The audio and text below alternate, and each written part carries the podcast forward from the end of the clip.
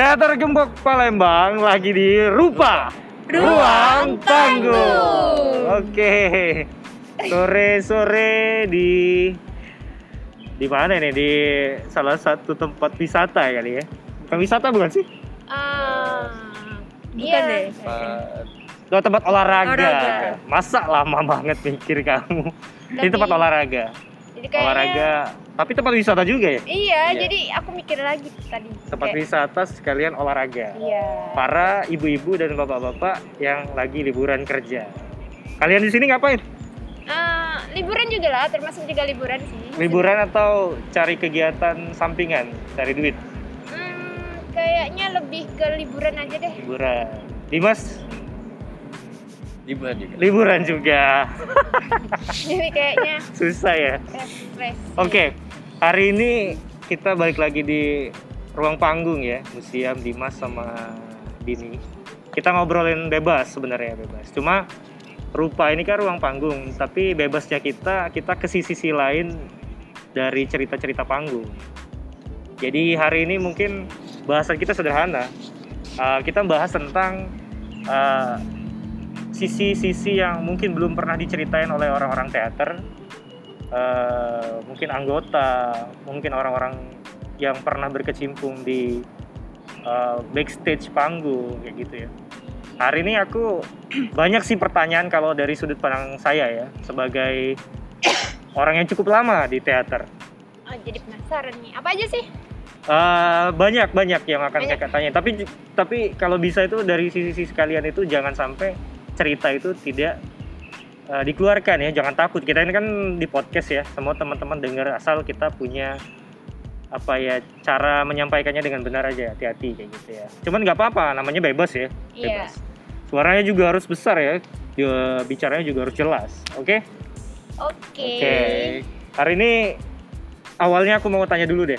Kalian menganggap teater itu adalah eh, sebuah hobi kah atau sebuah eh, kerja kah atau ada sebagian orang menganggap itu ada eh, sampingan belakang. Mungkin bahasanya orang yang mau cuma mengisi waktu luang. Karena pada podcast pertama kita kemarin ada yang berbicara seperti itu bahwa teater adalah untuk mengisi waktu luangnya saja. Ya gitu itu bebas sebenarnya bebas. Tidak salah, tapi gimana caranya kalian memandang sisi-sisi berbeda dari dunia teater. Kalau saya sisinya berbeda, di sini ada museum berbeda. Oke, teman-teman mungkin lupa nih. Teater Gembong ini punya, punya banyak anggota. Hari Ya. ini ada siapa aja nih ngobrol sama kakak? Kakak? Yondi Audito selaku masih membina Teater Gembong Palembang. Kita lagi ada di ruang podcastnya Ruang Panggung Teater Gembong. Ini siapa aja nih boleh kenalan dulu deh. Dari mana dulu nih? Dari, Dari kanan, kiri ke kanan, ke atas ke bawah boleh. Ya udah dimulai dari sebelah sini kanan aja dulu lah. Oke ya, Eh, perkenalkan eh, saya Ardini, Eh, saya anggota di teater Gembok eh, kurang lebih baru kurang lebih satu tahun. Oke, Ardini. Satu tahun. Ardini harus semangat kalau ngobrol jangan kecil banget suaranya udah pakai masker. Kita tetap jaga protokol kesehatan ya di sini. Teman-teman tetap pakai masker, tapi suara kita harus besar supaya masuk ke uh, record. Dan juga kita nih langsung ke podcastnya YouTube-nya Gembok. Jadi ngobrol-ngobrol santai langsung direkam. Siapa tadi namanya? Ardini. Ardini. Kecil banget lagi, besar-besar ya. Oke. Di sebelah kanan saya nih siapa nih? Tadi sebelah kanannya kiri saya lah kira-kira kayak gitu kalau digambar ya. Baik nama saya Dimas Maulana saya Waduh. juga anggota baru di teater Gembok Suaranya tuh suara cowok banget ya. Kalau aku bukan kayaknya. Aku masih cucok. Adem. Masih adem. Oke. Adem. Sebelahnya lagi hari ini ada Oke, kenalin aku aku sempat menghilang dan kembali lagi. menghilang itu karena apa? Menghilang itu karena apa coba? Jadi aku karena juga masih kuliah kan karena teater gembok ini independen jadi Wah. aku ada kegiatan kuliah kerja nyata jadi menghilang lah Kita ini independen ya. iya Berdiri sendiri Sendiri. tanpa dipedulikan orang lain. curhat banget sih Kayaknya orang-orang sudah mulai melupakan teater ini kali ya. Udah mulai pergi. Tapi suatu saat kalau ini mulai terbangun lagi nanti balik lagi kayak biasanya Iya. kayak gitu ya. Iya, kebiasaan Iya. oke langsung aja deh Oke langsung langsung. Nah, langsung. aku aku kalau nama aku nama aslinya Musiam, tapi aku tuh lebih sering dipanggil JJ. Oke, Museum di sini setahu kakak sebagai aktor, Dimas ini juga aktor baru, sedangkan di ini ini bagian manajemen. Tapi belum pernah coba jadi pemain ya, mungkin Iya. suatu saat ya, suatu saat Iya, ya. penasaran juga sih ngeliat Mbak Dini Iya. itu gimana main di panggung gitu ya. Harusnya ngobrol juga, cuma ketawa-ketawa aja. Ini suara, ini podcast coy. Oke Dimas, ya ketawa-ketawa ya. Oke hari ini aku mau bahas tentang sisi lain backstage lagi nih, tapi ini backstage bagian kedua. Aku pengen tanya nih, adakah eh, kekesalan atau amarah ketika kamu diberikan tugas yang hanya sepele nih, jaga para penonton untuk tetap menonton sesuai dengan koridor penonton pada saat live permainan. Menurut kamu itu penting dan bagaimana cara membuat penonton itu tetap dalam koridor seorang penonton yang harus menonton teater itu dengan kondisi yang diem lah ya, bahasanya tuh harus hening karena bermain teater itu nggak bisa nggak bisa Eh, berisik ya Iya. karena pemainnya juga live iya. bener bener Iya, iya nggak bisa Nah, gitu. nggak bisa apa namanya, nggak bisa Di- mengganggu konsentrasi dia. Iya, Minimal betul. kita harus menontonnya dengan seksama sehingga apa pesan-pesannya itu bisa tersampaikan, bener kan? Nah dari sisi di sisi eh, seorang pemain seperti kalian aktor, satu lagi dari manajemen, coba pernahkah kalian di posisi itu? Pentingkah itu atau ada cerita-cerita tersendiri deh? Atau teman-teman yang cerita mungkin? Mungkin dari siapa nih? Dari dari museum deh. Oke, dari aku dulu ya. Eh, kalau kalau aku lihat dari sisi pemain dulu ya. Kalau aku sebagai aktornya eh ya ngelihat nih ngelihat temen aku tuh jadi eh, yang ngatur penonton nih apa namanya istilahnya tuh eh, tim lah timnya kre- krunya dari kita kita sebagai pemain ngelihat dia tuh gimana sih kalau aku ngelihat kasihan nggak? Pasti pertama ya? Iya. kasihan. Tapi sebenarnya kayak gitu ya? Enggak Oh, mm, iya. enggak sih. Apa ya? Menurut aku penting juga sih ada dia. Soalnya kalau nggak ada dia pun kita main dia jadi- itu siapa? Dia itu Iya. cowok kah? Yang oh Iya. bukan. Bukan bukan yang dia dia dia. Oh Bukan bukan. dong. oke. Dia itu ya yang ditugasin jadi eh apa Kru, kru. iya kru tadi. Penjaga untuk penonton penontonnya tadi untuk tetap di koridor penonton Iya, penting sih kalau menurut aku. Jadi aku melihat apa ya, kalau dia sukses eh, Menjaga. nempatin penonton-penontonnya, kita main pun enjoy hikmat gitu. Kalau kita main pun kita fokus ke acting kita gitu. Kadang, Jadi pesannya tersampaikan. Tadi Iya. jadi penting ya. iya penting. Gimana dong. tuh beban mereka untuk menjaga penonton itu berat bebannya itu seberat beban pemain kah? Eh, kayaknya lebih berat mereka deh, karena kalau kita kan kalau pemain ketemu pemain, apalagi di belakang sebelum kita latihan apa sebelum pentas kan kita udah latihan, pasti kalau ketemu sa- sesama pemain ini pasti udah ngerti gitu. Tapi Wah, kalau bener. penonton- ada ada koneksi ya bahwa Iya. kita seorang aktor ya. iya, tapi kalau penonton ketemu sama apa kru tadi kan Ya. mereka sesama asing gitu. Bu duduk sini ya, nanti yang anaknya bilang ah nggak mau, Ribut, mau." nangis Iya, kah, gitu. gitu. Jadi Beban rasa- beban seorang kru tadi aduh Iya, tolong lebih dong berat Bu. sih sebenarnya. Diam dulu kayak gitu ya susah iya. ya. Apalagi anaknya sering coret-coret tembok ya. Wah, dia ngechat di sana itu, aduh, terus dia buat itu? graffiti. Krunya bingung, terus krunya Jadi Kru- lebih, aduh kru- kayaknya lebih berat itu daripada krunya bunuh diri di tempat. Oke. Menurut eh, Dini nih sama Dimas, jangan diem-diem aja. Ini bukan ekspresi aja di sini. Kita podcast, oke? Oke. Apa yang pengen diobrolin coba? Eh, menurut kamu pentingkah? Gimana sudut pandang seorang Dimas melihat teman-teman yang menjaga koridor itu sebagai aktor gimana Dimas? Penting sih itu kak. Soalnya kan benar kata kakak kata kak museum tadi. Besar besar besar besar. Benar kayak kata kak museum tadi kan. Kalau penontonnya diam, kita bisa enjoy main itu. Jadi dalam arti itu sesuatu yang nggak bisa dianggap remeh ya? Iya Iya kak. sebenarnya kalau dari tugasnya cuman bilang kamu jagain penonton ya kayak remeh sih tapi sebenarnya itu wah itu lebih besar dari pemain sih sebenarnya. Artinya eh, porsinya berbeda tapi tanggung jawabnya sama-sama berat ya kayak Iya. gitu ya. Sama-sama berat. Iya. Menurut Dini gimana Din? Coba diem-diem aja Din. Kalau menurut Tidur lah. Oh, kalau menurut eh, saya sih eh, itu eh, ada hal yang sangat penting dan riskan karena eh, tanpa dari tim mereka itu Besar-besar lagi Din tanpa koordinator ko- ataupun koordinasi dari mereka pun para pemain pun bakal menjadi tidak enjoy gitu kan. Nah tinggal eh, bagaimana eh, kitanya dalam menyikapi gitu. Misalkan contoh kayak tadi eh, ada seorang ibu eh, anaknya ribut lah gitu kan. Nah tinggal eh, bagaimana kita sebagai tim manajemennya uh, memanajemen itu. Kalau menurut saya sih itu sangat penting dan harus ada kombinasi ataupun kerjasama antara baik dari yang di atas panggung ataupun di luar panggung untuk terkait hal itu. Oke. Iya. Kita mendengarkan ibu manajemen ini berbicara rasanya kita dibawa di suasana rapat yang Iya, besar ya mau pentas ya. tuh- Kita udah setahun nih nggak pentas nih. Ada kerinduan kah buat pentas tuh ada ya? Jelas. Oh, jelas Jelas, banget. Apalagi nih teman kita si Dimas nih pengen nih pengen terjun langsung ke panggung ini baru ikut teater ya sabar ya. Iya. Buat teman-teman juga yang di luar dari teater gembok yang udah out mungkin bukan kita tidak mau pentas ya, tapi memang kondisinya sekarang memang pandemi ini Lagi belum bisa kita juga.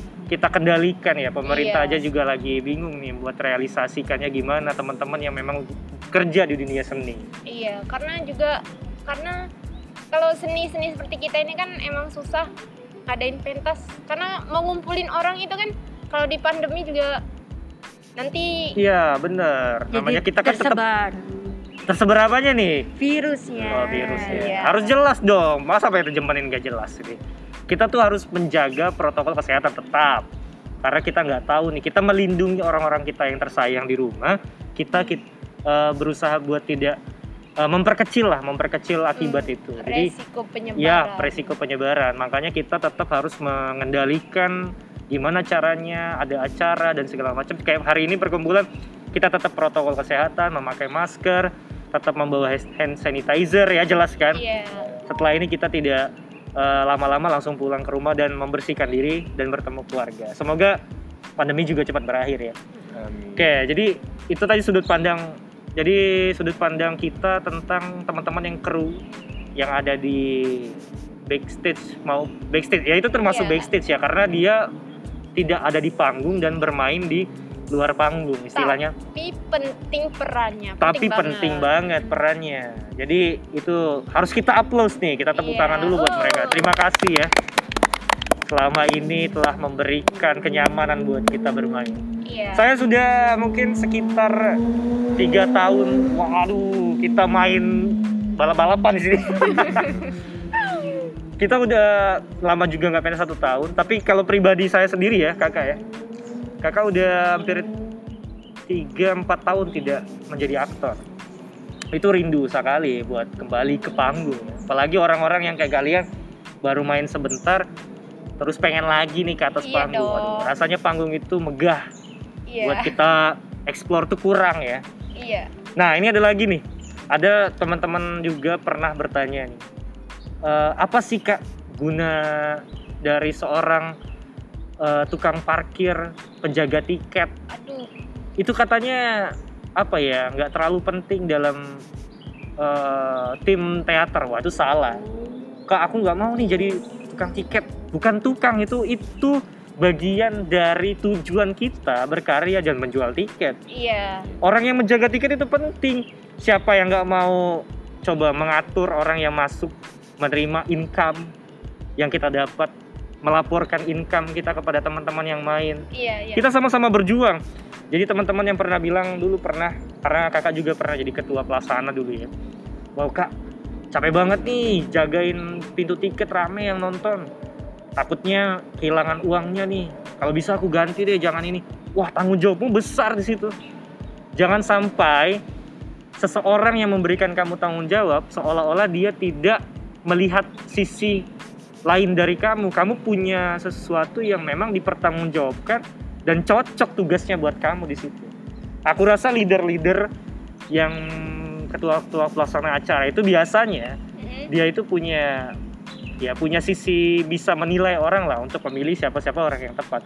Jadi jangan sampai kalian itu merasa bahwa jadi jadi tukang parkir lah, bukan tukang parkir ya, artinya menjaga keamanan, Iya, iya. menjaga keamanan pementasan lah, eh, menjaga tiketing lah, Tiketing. atau kru dari penonton lah, cuma menunjukkan arah. Tapi peranmu itu penting.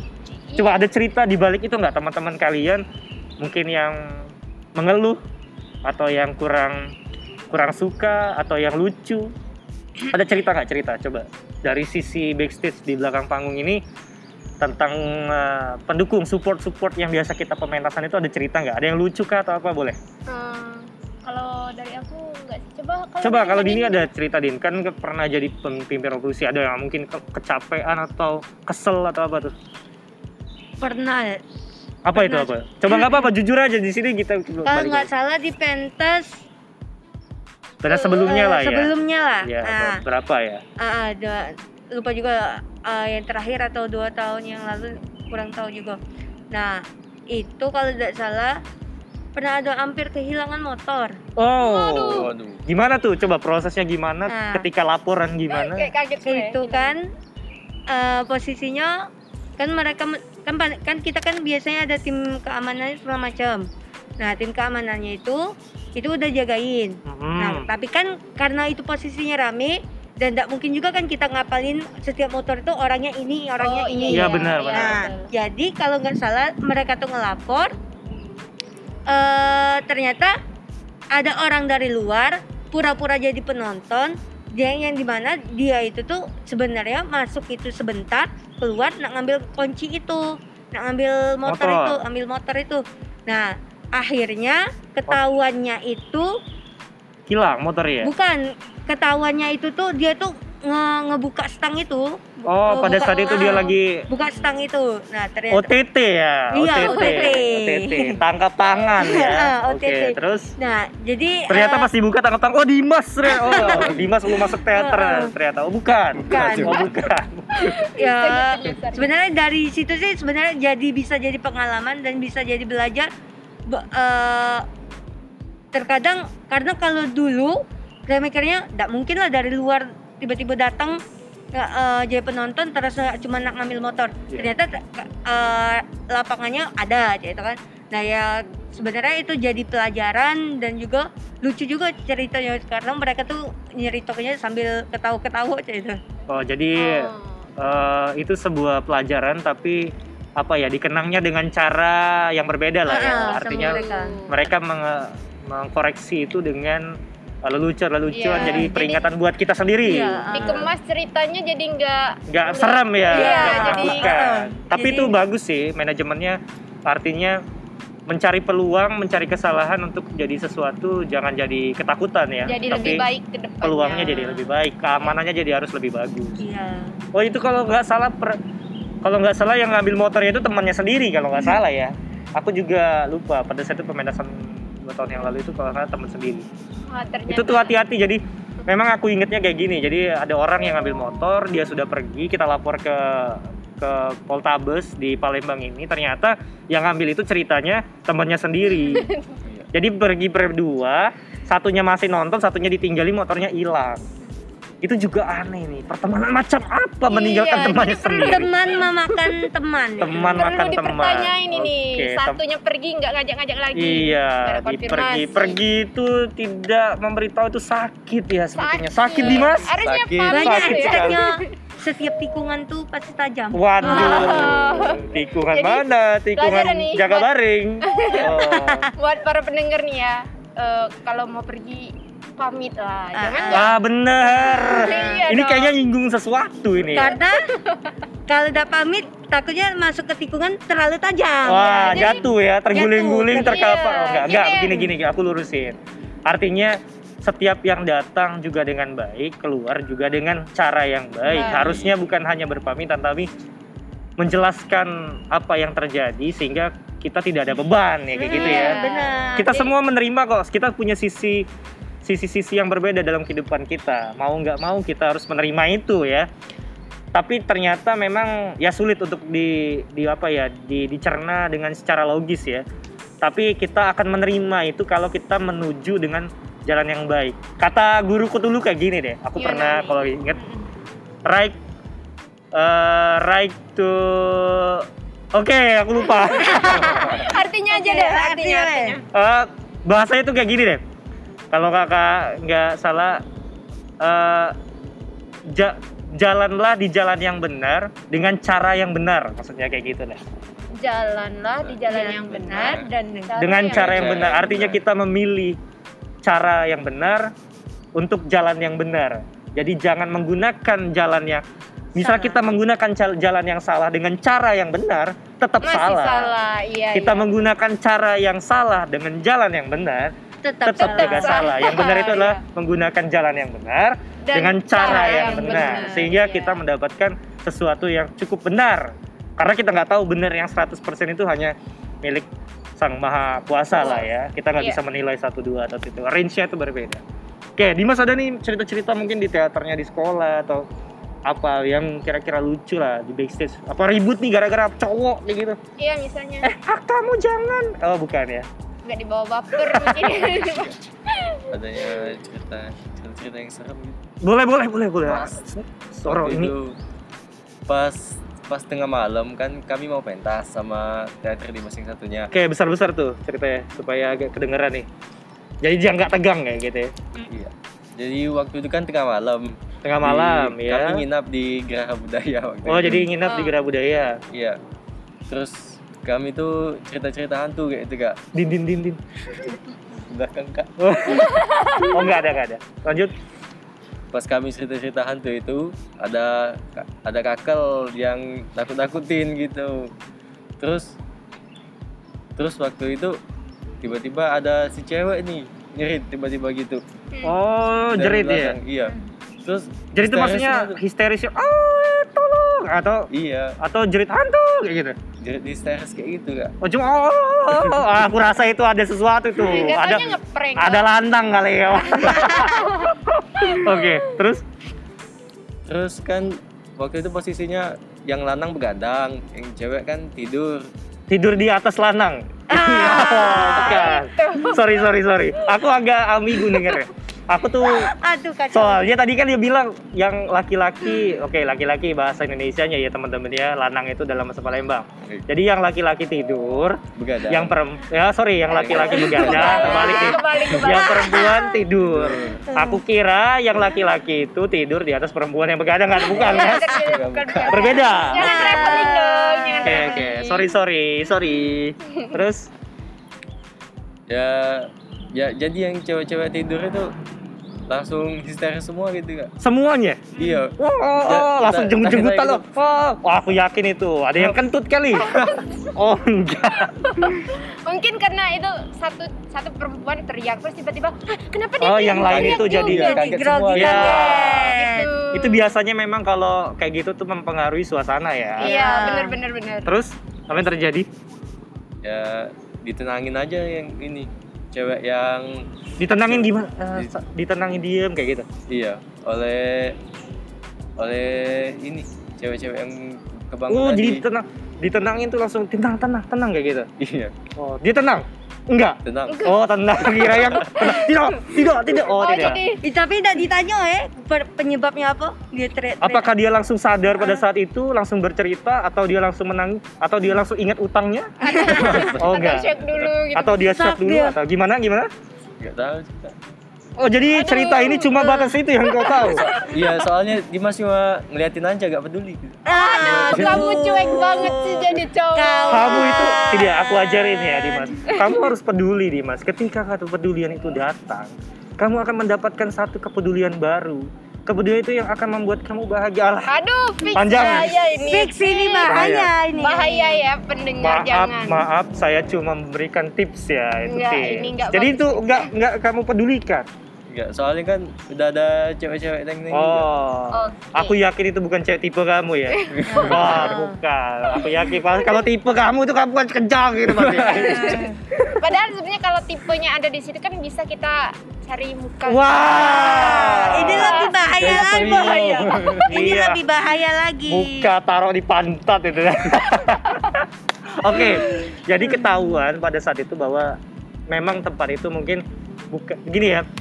Kalau masalah persepsi horor itu sebenarnya kita arahkan adalah kayak gini di mana pun kita berada sebenarnya tempat itu mempunyai semua mistisnya ya Iya. kalau dalam agama kita masing-masing pun kita punya kepercayaan itu cuma gimana kita me- merefleksikannya menempatkan diri kita di situ dengan sopan dengan Iya. baik tidak me- melanggar etika-etika yang mungkin aneh ya yang menjaga menjaga sopan santun sehingga Betul. apa pun yang di, di, di, di, di di lingkungan kita itu bisa juga nyaman. Iya, Aku rasa sih, aku rasa sih mungkin ada satu dua momen yang mungkin pada saat itu Dimas eh, tidak terkendali ya, jadi memancing sesuatu. Tapi kita tidak berbicara di situ, tapi berbicara momen itu pada saat menginap hari itu ada momen-momen di mana teman-teman itu kan di backstage ya namanya kita Iya, belakang iya. panggung cerita belakang panggung ya. Heeh. Ada horor itu biasa. Tapi kayaknya pengalaman Dimas ini diundang ya. Apa mistisnya kan udah di tempat yang gimana, terus cerita juga tentang horor-horor. Jadi kayak diundang. Benar, bisa bisa itu bisa jadi. Ada satu dua orang yang sambil tidur. Aduh, kayaknya serem ya di sini. Takut Iya, ya. jadi Ada ada satu di kiri kanan. Ah, jerit dia. Tapi kalau tidak salah gembok juga kejadian kan waktu itu. Oh Nah, iya. iya, coba ceritain dong dari tadi kita terus. Kalau itu nanti kita buat sesi sendiri ya. Aduh. ya benar nggak ya? Kita undang salah satu teman-teman yang pernah merasakan itu. Ini kan Mm-mm. teman-teman sini kan mungkin belum. belum waktu itu ya. sih, Jangan ya. dong, jangan. ya jangan sampai, Jangan jangan, sampai sampai. kalau bisa. Waktu Jangan. itu kakak eh, ingat itu pentas dua naskah. Eh, itu yang kemasukan seluruh pemain waktu itu. Waduh. Jadi mana itu? Wah itu luar biasa, pengalaman yang sangat luar biasa. Nanti kita cerita deh. Untuk sesi itu kita cerita sendiri sama teman-teman kam yang ada nanti kita cerita lagi kita Ah, balik. Terus sesi ini bukan cerita itu, horor itu agak-agak sus- susah diterima ya, iya. karena itu sudut pandangnya berbeda-beda. Cuma nanti kita coba undang satu orang nanti memang yang yang mengalami mengalami hal itu, jadi ceritanya tuh lebih lebih Pasti lebih feel keluar ya, lebih Iya. feel-nya lebih keluar. Iya. Oke, jadi kita sudah dengerin sedikit ya masalah kita cerita tentang orang-orang yang bekerja, kru-kru yang di backstage di belakang panggung. Hmm. Eh, harapan kakak sih setiap orang yang ingin main di atas panggung ya, ke depannya ini mungkin setuju atau enggak ya. Iya. Dia harus juga mensyukuri bahwa sebenarnya memang sih peluang kita untuk dikenal eksistensi itu ada di Pemain. stage Iya, pemainnya. sebagai pemain sebagai aktor. Cuma pekerjaan di luar stage itu ada juga tanggung jawabnya. Iya dong. Apa sih kak yang mendidiknya? Oh banyak. Soft skill yang akan kamu dapat dari eh, kru itu lebih bagus juga dari dari pemain. Memang berbeda-beda, tapi kamu harus terima. Mungkin eh, tugasmu, visimu, misimu untuk eh, pentas ini atau pentas berikut sebelumnya memang masih di situ. Iya. Karena kita percaya bahwa itu ah, nanti ada gunanya kan. Iya dong. Gak mungkin kita dikasih sesuatu dari Tuhan untuk melaksanakan satu visi misi itu nggak ada gunanya. Aku yakin setiap orang pengen menjadi pemain, tapi kita juga harus menerima bahwa konsekuensi yang lainnya adalah kita siap juga untuk menjadi kru. Iya, betul. sekali. Seorang pemain harus siap menjadi kru, seorang kru harus siap menjadi pemain suatu saat. Kita Karena- saling mengisi. Karena Saling kita tim, Ya, iya. berteater kita membuat tim yang sangat uh, solid untuk sebuah kekeluargaan yang harus kita laksanakan sehingga pementasan itu berjalan dengan baik kayak gitu kan. Iya, betul. Nah, jadi suatu saat kalau nanti Dini atau ini nanti kebalikan ini pernah main terus jadi kru, yang ini kru jadi pernah main. Jangan mengintimidasi satu sama lain tapi jadilah orang yang memikirkan teman kita. Jadi kalau kamu main, kamu lihat dong teman-teman kamu yang jual tiket capek. Jadi kamu harus semangatin, wah semangat ya jual tiketnya. Sorry aku nggak bisa bantu, aku akan berusaha di permainan, aku akan tunjukkan yang terbaik. Karena kalian sudah jual tiket banyak kayak gitu. Iya. Yang main juga, eh yang sorry, yang jual tiket juga. Sorry ya jual tiketnya nggak terlalu banyak, tapi kamu harus main total ya. Kan saling mendukung, Iya, kita saling support saling memberikan support. supaya kita mendapatkan satu apa ya keharmonisan dalam sebuah tim Iya, sehingga tim betul. itu bisa padu sehingga solid sehingga bagus untuk karya-karya dan ide-idenya berikut Iya. gitu di bahasan kita hari ini memang sangat singkat kemarin backstage-nya eh, sedikit ini kita perluas lagi agak sedikit backstage-nya lagi mungkin agak agak laju bahasa Lembang aku keluar Nanti. mungkin nanti kita akan bahas tentang eh, berbagai macam sudut pandang yang lain. Apalagi kita bahas tentang latihan nanti Iya. kan. Kita bahas tentang pentas produksi 15 teater Gembok Palembang Iya, amin. yang nanti mau pentas ya katanya Iya, ya, tapi semoga doakan saja terlaksana. karena ini semua adalah harapan kita kita Iya. kembali ke panggung walaupun dengan kondisi yang mungkin belum terlalu baik tapi akan kita coba menyusun gimana caranya tapi dekat-dekat ini kita ada sesuatu kan Iya dong. kita mau mencari teman-teman lagi buat kita rekrut kembali di sini lagi. Buat teman-teman yang memang mau berteater ada Dimas yang cowok ganteng ada Museum cewek cantik Oh, ada iya, thank you. Dini cewek yang tegar ya. Silakan kemari jemput mereka. Di Teater Gebok Palembang. Semoga teman-teman bisa gabung ke sini bisa ngobrol bareng-bareng bisa karya bareng-bareng juga bisa suatu saat nanti kita pentas. Karena aku yakin beberapa bulan ke depan kita sudah ada rencana pentas schedule udah mulai kita membuat tapi dengan catatan kita saling bekerja sama ya Iya. Iya. apalagi yang harus eh, dituangkan seorang eh, orang yang mau ikut ke sini deh apa sih harus apa sih mereka harus ribet-ribet kah Eh, Enggak. enggak harus ada apa sih pertama modal niat nah niat pertama Iya, niat. terus Iya. yang kedua komitmen komitmen. Yang ketiga kayak pacaran aja loh bener harus ada Iya, niat ada. ada komitmen terus yang terakhir yang kira-kira jos Apa ya? harus ada Harus ada waktu waktu. Karena kita perlu waktu. Kalau kita bisa niat, bisa komit, kurasa waktu harus ada juga ya. Iya. Jadi kita orang yang perlu, eh sorry, kita perlu orang-orang yang niat, punya komit Komit. yang kuat, sehingga dia punya waktu untuk datang ke sini ngobrol-ngobrol bareng, buat podcast di YouTube, buat podcast di Spotify, atau juga kita bisa langsung buat project-project dengan ide-ide karya-karya yang baru lah. Iya. Kalau bisa nanti kita di podcast ini nyiapin satu puisi lah. Ganti Oh, ga- gantian dong. Boleh juga tuh. Baca puisi nanti pakai gitar. Boleh boleh boleh. Semua teman-teman bisa bisa mencoba itu nanti ya. Atau nanti buat dialog-dialogan ya. Iya, Iya, bisa juga itu seru deh. Kayak seru ya kayaknya. Nanti museum diatur ya. Kita Iya, buat dialog-dialog yang surprise. Kita kosongin satu dialog dia isi sendiri. Terus dialog berikutnya ada lagi dialog kosong lagi kayak gitu. Jadi Iya, betul. latihan Jadi- juga ya kayak gitu oke bagus Oke. bagus bagus bagus oke itu aja mungkin ya untuk hari ini gak ada obrol-obrolan lain yang panjang terima kasih buat dengerin podcast kita yang ketiga di sini Iya. mungkin nanti minggu depan ada lagi podcast lima hari ke depan aku harap sih obrolan kita akan makin panjang makin berkualitas dan tetap support teater gembok di rupa ruang Panggung. panggung teater gembok Palembang Terima eh. kasih. Dadah. Dadah.